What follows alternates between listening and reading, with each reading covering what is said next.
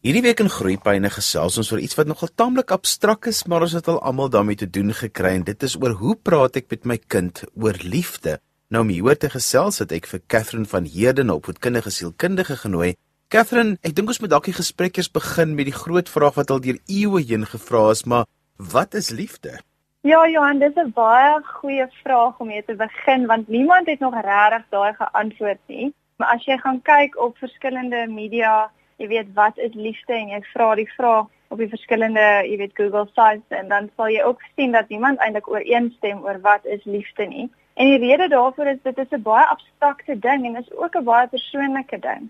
Maar vir my die mooiste definisie van liefde was nog in 1 Korintiërs 13 waar jy weet hulle sê hoop alles, die liefde hoop alles, die, die liefde bedek alles, die liefde glo alles en verdra alles en Ek hoef nou nie alles vir die luisteraars te lees nie. Ek dink meeste mense ken dit, maar dit herinner my net altyd aan jy weet die onskuldigheid van kinders en ek dink dit is ook waar ons kan gesels vandag is hoe help ons ons kinders om regtig die reinheid van liefde te leer ken as dit sin maak. Ja, veral hierdie tyd van die jaar wanneer ek dit altyd noem die liefdesseisoen. Baie mense dink die liefdesseisoen is in Februarie, maar wanneer ons in die feesseisoen ingaan, dan voel ek altyd dis waar die praktiese uitleef van liefde in families nogal tuis hoort. Kom ons praat gou oor my kind. As ek my kind sê ek is lief vir jou, verstaan hulle presies wat dit beteken? O ja, liefde is 'n geweldige komplekse onderwerp. Ek bedoel almal ervaar liefde op 'n ander manier. En ek dink as ouer is dit belangrik om vir jouself te vra eers hoe het ek groot geword en hoe sien ek liefde? Want liefde word baie gevorm deur kinders se onvervulde behoeftes en ook hoe jou ouers se liefdestale was. So as daar kinders is wat jy weet maas wat vir baie kos gemaak het en ek wys vir jou liefde uit hoe ek vir jou kossies maak en ek pak vir jou oulike kossies in jou sakkie op pad skool toe en ek maak vir jou koek vir jou verjaarsdag dan sal daai kinders nogal baie liefde aan kos konnekteer. As daar kinders was wat in 'n huis groot geword het met baie fisiese kontak, sal hulle ook groot mense wees wat dan weer fisiese kontak sien as liefde en as deel sien van liefde. So al hierdie goed Johan beïnvloed hoe ons liefde sien en dan ook wat jy dan in jou kinders gaan lewendig hou. So wat jou ouers in jou lewendig gehou het en vir jou as liefde gegee het, gaan jy weer aan jou kinders doen en vir hulle liefde gee. So en dit beïnvloed ook al die gesprekke wat jy dan het met jou kinders. So dit is belangrik dat jy eers as ouer vir jouself vra wel hoe het ek groot geword en wat is vir my gegee as liefde? Want ek dink liefde is bietjie meer as wat net elkeen gegee is as dit sin maak. Catherine, want as jy met groot mense baie keer volwassenes praat, dan sê hulle as my pa of my mamma net vir my kon sê hulle is lief vir my, maar jy verwys nou na 'n baie interessante term liefdestale want een van die liefdestale is ook mos nou maar om sekuriteit te kan gee in allerlei vorme en daar's mooi woorde om te beskryf, maar dit kom maar eintlik neer dat hulle sekuriteit ervaar as 'n vorm van 'n liefdestaal.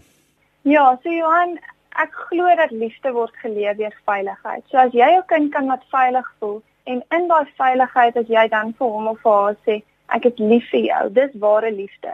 So ons kan nie vir ons kinders sê ons is lief vir hulle en hulle verskree en goeters op hulle gooi en dit klink nou erg maar dit gebeur, jy weet. So hulle kry 'n verwronge beeld van liefde, jy weet, as hulle dit ervaar. So um, dit bring my terug na wat ek ook al gesê het is is jy weet, dit is belangrik dat jy jouself vra hoe het ek groot geword. Modulasie is ongelooflik belangrik as dit kom by liefde en die konsepvorming daarvan. As kinders liefde sien. Jy weet dit is baie moeilik om vir iemand te verduidelik hoe dit voel om verlief te wees of hoe dit voel om iemand lief te hê. Mens kan nie regtig verduidelik wat in mense binneste aangaan nie. Maar mens kan dit sien en mens kan dit ervaar. So vir kinders is dit belangrik om te ervaar wat liefde is en dit te sien. Die huwelik speel ook 'n baie baie belangrike rol in hoe hulle liefde ervaar en hoe hulle liefde sien gebeur en wat hulle dan as liefde sal vat. Gefren verduidelik gou vir ons die verskillende liefdestale. Wat is daar's 'n paar liefdestale wat mense praat net so 'n bietjie die konsep en dan ook hoe dit verskil want ek dink dit is nogal belangrik as ouers nou begin dink hieroor dat hulle tog sal bewus raak van hulle eie liefdestaal. Alraai, so Johan, daar's vyf hoofliefdestale. So die eerste liefdestaal is woorde. So mense wat van woorde hou, hou van komplimente, hulle hou daarvan Maar as jy vir hulle sê jy lyk mooi vandag of wat jy vir my gedoen het, waardeer ek regtig baie of jy beteken vir my so baie. So hulle hou daarvan om in woorde te hoor wat hulle beteken, hoeveel hulle vir jou beteken en wat hulle vir jou doen en en die waardering daaromtrent. So hulle wil gewaardeer word deur woorde. So daar's baie kinders wat ook in terme van dit, jy weet daai liefdestale het so baie kinders, jy kan sommer sien daai kinders hou van woorde. As jy vir hulle sê, "Joh, maar jy lyk mooi in jou rokkie vandag" of "Baie dankie vir tannie se mooi blommetjie" of so iets, jy weet, hulle sal straal, heeltemal straal. So dit is gewoonlik die woorde. En baie keer jy weet, is dit vir baie ouers bietjie moeilik om die woorde te gee want hulle het nooit daai woorde gekry by hulle ouers nie. So dan is dit vir ouers moeilik om te sê ek is lief vir jou want kinders wat ook van jy weet die woorde hou en daardeur liefde ervaar, hou daarvan om te hoor ek is lief vir jou. En baie mense vind dit baie moeilik om te sê ek is lief vir jou want dit was nooit in huishouding gesê nie. So dit is belangrik om daarvan bewus te wees. Dan die tweede een is jy weet geskenke. Jy kan sommer 'n kind ook sien met geskenke, daai liefdestaal. As ek vir hulle sweetie gee na die sessie of hulle ouers, jy weet, dis Kerstyd. Vir daai kinders is verjaarsdag ook 'n verskriklike groot storie. Hulle is baie baie opgewonde oor die geskenk. So jy sal sien dat as jy ook met daai kinders gesels, dan sê hulle jy weet, mamma koop baie keer vir die sitie 'n geskenkie, maar nie vir my nie. Dit sal vir hulle baie moeilik wees want dit is hulle hoofliefdestaal. So dis geskenke. Dan so die derde liefdestaal is diensbaarheid en met diensbaarheid dit is letterlik wat die woord beteken. Dis daai kinders wat vir jou alles sal doen. Hulle sal jou help om die kar af te laai. Hulle sal jou help om kos te maak. Hulle sal as ietsie val, sal hulle dit vir jou optel. Hulle sal vir jou vra, "Tannie, kan ek dit vir jou doen?" En daai kinders, jy weet, dis kinders wat regtig wil hê jy moet vir hulle goedjies doen. So jy moet vir hulle 'n sakkie pak. Jy moet vir hulle hulle kleertjies uitlê as jy dit vir hulle gekoop het. Hulle wil regtig hê jy moet vir hulle ietsie doen om vir hulle te wys dat jy lief is vir hulle. En baie mense hier, hulle is nie diensbaar nie. Hulle het net nie so groot geword nie of dit net nie deel van daai ouers se temperament nie, maar dit is wat die kind dan nodig het en dis ook waar die ouers se groei dan lê. Jy weet, ek dink in al hierdie goeters lê ons as ouers, ons kan baie groei deur ons kinders, jy weet, en ook genesing daaruit kry. Die vierde een is kwaliteit tyd Johan en dis daai kinders wat regtig 1 tot 1. Hulle wil 1 tot 1 met jou tyd spandeer. En as hulle saam met jou kan cricket speel of saam met jou 'n roomys kan gaan eet of saam met jou kan fliek of net saam met jou op die mat kan sit en blokkies bou vir 3 ure en nonsens praat, dan voel hulle soos 100 000 rand. Hulle voel baie baie geliefd. So dit is nogal 'n interessante een vir vandag se tyd want ek dink nie baie ouers het meer baie tyd vir kwaliteit tyd nie. Ons leef in 'n leeftyd wat baie gejaag is en dit is hartseer want ons mis dan baie keer ons kwaliteit tyd met ons kinders. En dis baie keer ook waar elektronika vandag 'n baie groot rol speel want al die elektronika vat ook maar daai kwaliteit tyd weg en dan sit ek ja, dan kry mens kinders in terapie wat net heeltemal heeltemal voel dat hulle glad nie liefgehê word nie, maar dit is maar net omdat daai kwaliteit tyd nie daar is nie, want dit is makliker om op 'n foon te sit of om die TV aan te sit. Daai kinders het regtig regtig 1 tot 1 tyd nodig. En dan fisiese kontak is die 5de een. Dit is die kinders wat hulle gee vir jou 3 drukkies in 'n halfuur en hulle sal drukkies gee en hulle sal vir jou swinkies gee en hulle wil dit terug hê. Hulle wil hê jy moet hulle drukkie gee. Hulle wil hê in die aand dan hulle gaan slaap jy weet moet jy hulle armpie kielie of hulle ruggie kielie en jy weet dit is nie vreemde gedrag nie. Jy weet baie baie ouers vra my ja maar ek moet altyd sy ruggie kielie of moet ek moet altyd drukkies gee. En dit is gewoonlik ouers wat nie gemaklik is met fisiese kontak nie. Dit is glad nie vreemd as kinders dit van jou vra nie. Dis maar net hulle liefdestaal is fisiese kontak en dis hoe hulle bekertjie weer vol gemaak word. Katherine, maar daar's verskillende soorte liefde waarvan kinders bewus moet wees. Vertel bietjie vir ons. Ja, so die eerste 'n soort liefde, Johan, is selfliefde. Ek dink is een wat ons baie keer vergeet.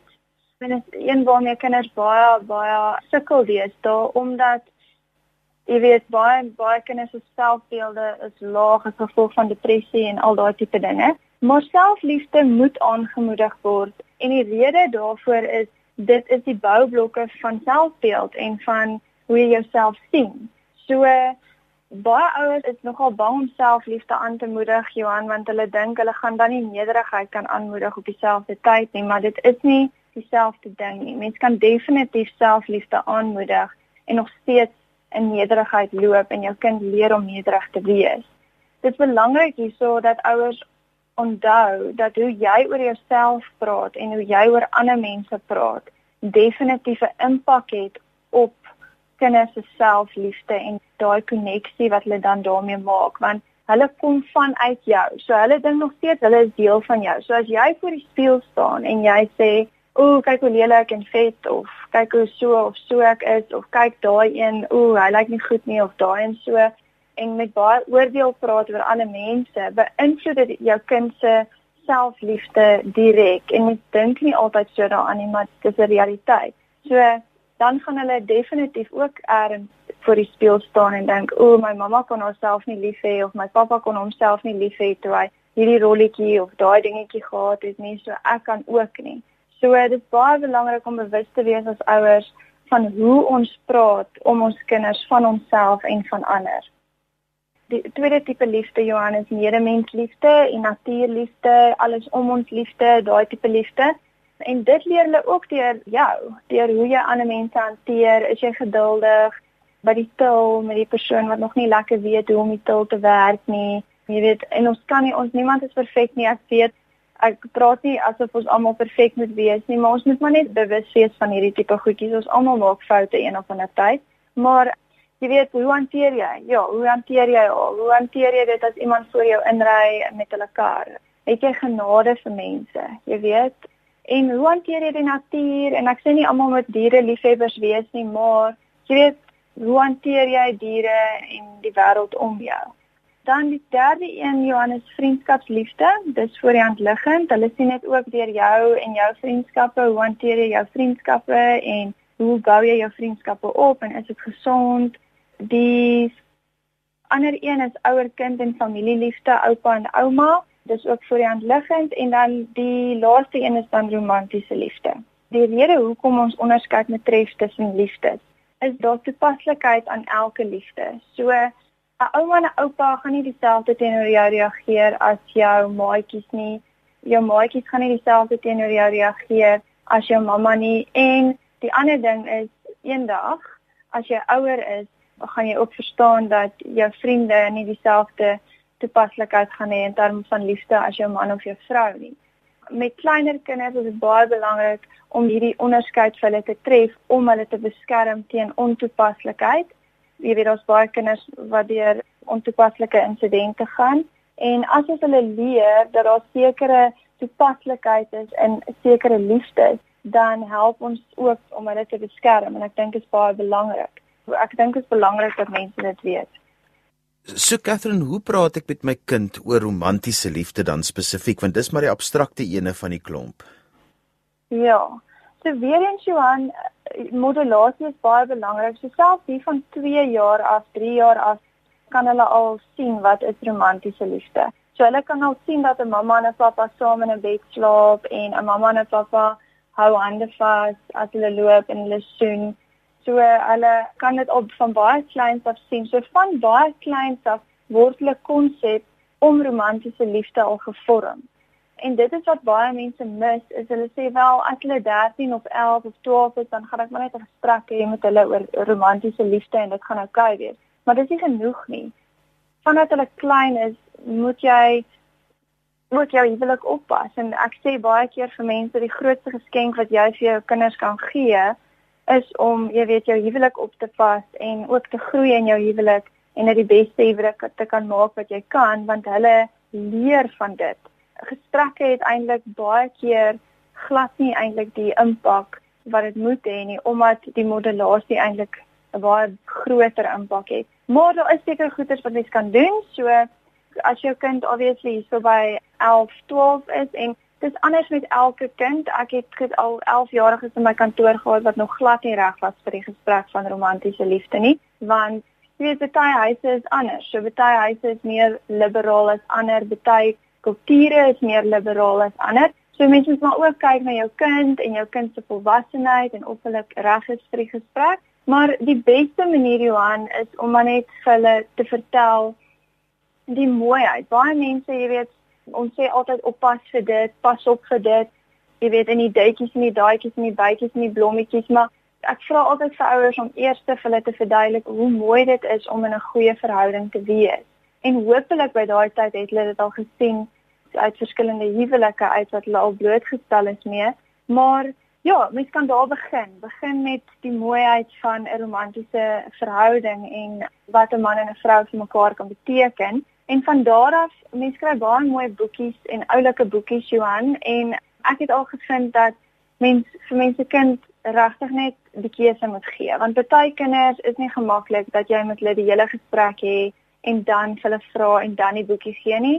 Ander kinders wil saam met jou sit en die boekie saam met jou deurgaan en vragies vra en hulle is baie baie geïnteresseerd daarin. So dit hang ook maar af van jou kind en jou kind se temperament en dit hang ook af van jou verhouding met jou kind. Dit is belangrik dat jy jouself vra hoe jy groot geword het. Het jy groot geword met jou maale wat net jy weet oor romantiese liefde gepraat het en dit was oukei okay, en dit was 'n oop gesprek of was dit jy weet amper 'n taboe gesprek. So dit sal ook beïnvloed hoe jy met jou kind gesels daaroor. So ja, ek dink mens moet daai goedjies vir menself vra.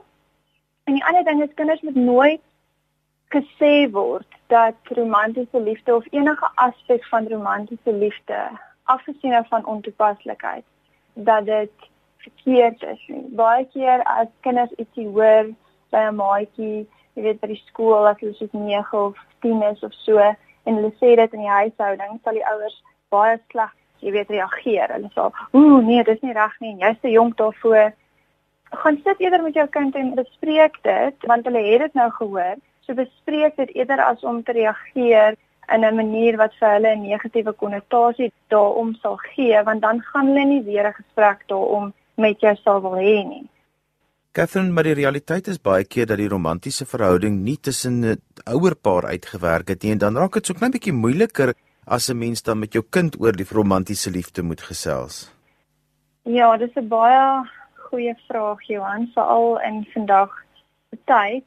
Die goeie nuus in terme van dit is dat baie mense wat geskei is, wat uitmekaar uit is en wat kinders het, daai kinders leer daai romantiese liefde leer ken. Hulle leer dit by die nuwe stiefma of die stiefpa en die verhouding wat die ma en die pa dan met hulle het. So jy kan nog steeds vir jou kind 'n geskenk gee deur 'n goeie gesonde huwelik te hê met 'n nuwe persoon. En ek het dit al gesien, ek het al gesien hoe kinders dan daai romantiese liefde, jy weet, daai konsep goed kan ontwikkel deur dit te sien. Hulle moet dit net erns sien. Baie mense het ook glad nie dit gesien in hulle ouer huis nie, maar hulle het iemand anders leer ken met 'n goeie huwelik wat baie gesond was en hulle het baie tyd saam met daai mense spandeer en hulle het daardeur liefde leer ken. So solank 'n kind net eers 'n goeie voorbeeld het van wat liefde is, die eerste opsie is definitief jou ouer huis, maar as dit nie daarin kan gebeur nie, probeer om jou kind bloot te stel aan ander mense wat wel goeie huwelike het sodat hulle dit eers kan sien. En dit is ook belangrik om vir jou kind te sê dat weet net omdat dit nie uitgewerk het tussen mamma en pappa of pappa en mamma nie, beteken dit nie dat dit nie kan uitwerk nie. Want dit is baie keer wat die kinders glo wat in my kantoor kom sit is hoekom sal ek dan gelukkig getroud wees as my mamma of my pappa dit nie kan maak werk nie. So, dit is belangrik om 'n gesprek met jou kind te hê en te sê jy weet soms werk dit nie uit nie, maar dit kan ook uitwerk. Kyk na oupa en ouma of kyk na tannie hierdie en oom hierdie. So dit is belangrik om 'n gesprek te hê. Catherine, as mense verder met jou wil gesels, hoe kan hulle dit doen? Hulle kan my skakel by 0723787340 of hulle kan my ook e-pos Johan by kathc.jerden@gmail.com. En daarmee aan die einde van vandag se groeipyne gekom. Ons het vandag gesels oor hoe praat ek met my kind oor liefde. My gas was Katherine van Heerden en sy is 'n opvoedkundige sielkundige. Onthou jy kan weer na vandag se program luister as 'n potgooi. Laat dit af by resgep.co.za. Skryf gerus vir my e-pos by groeipyne by resgep.co.za veral as jy ook ons kontakinligting van ons gas soek. daarmee groet ek dan vir vandag tot volgende week van my Johan van Lille. Totsiens.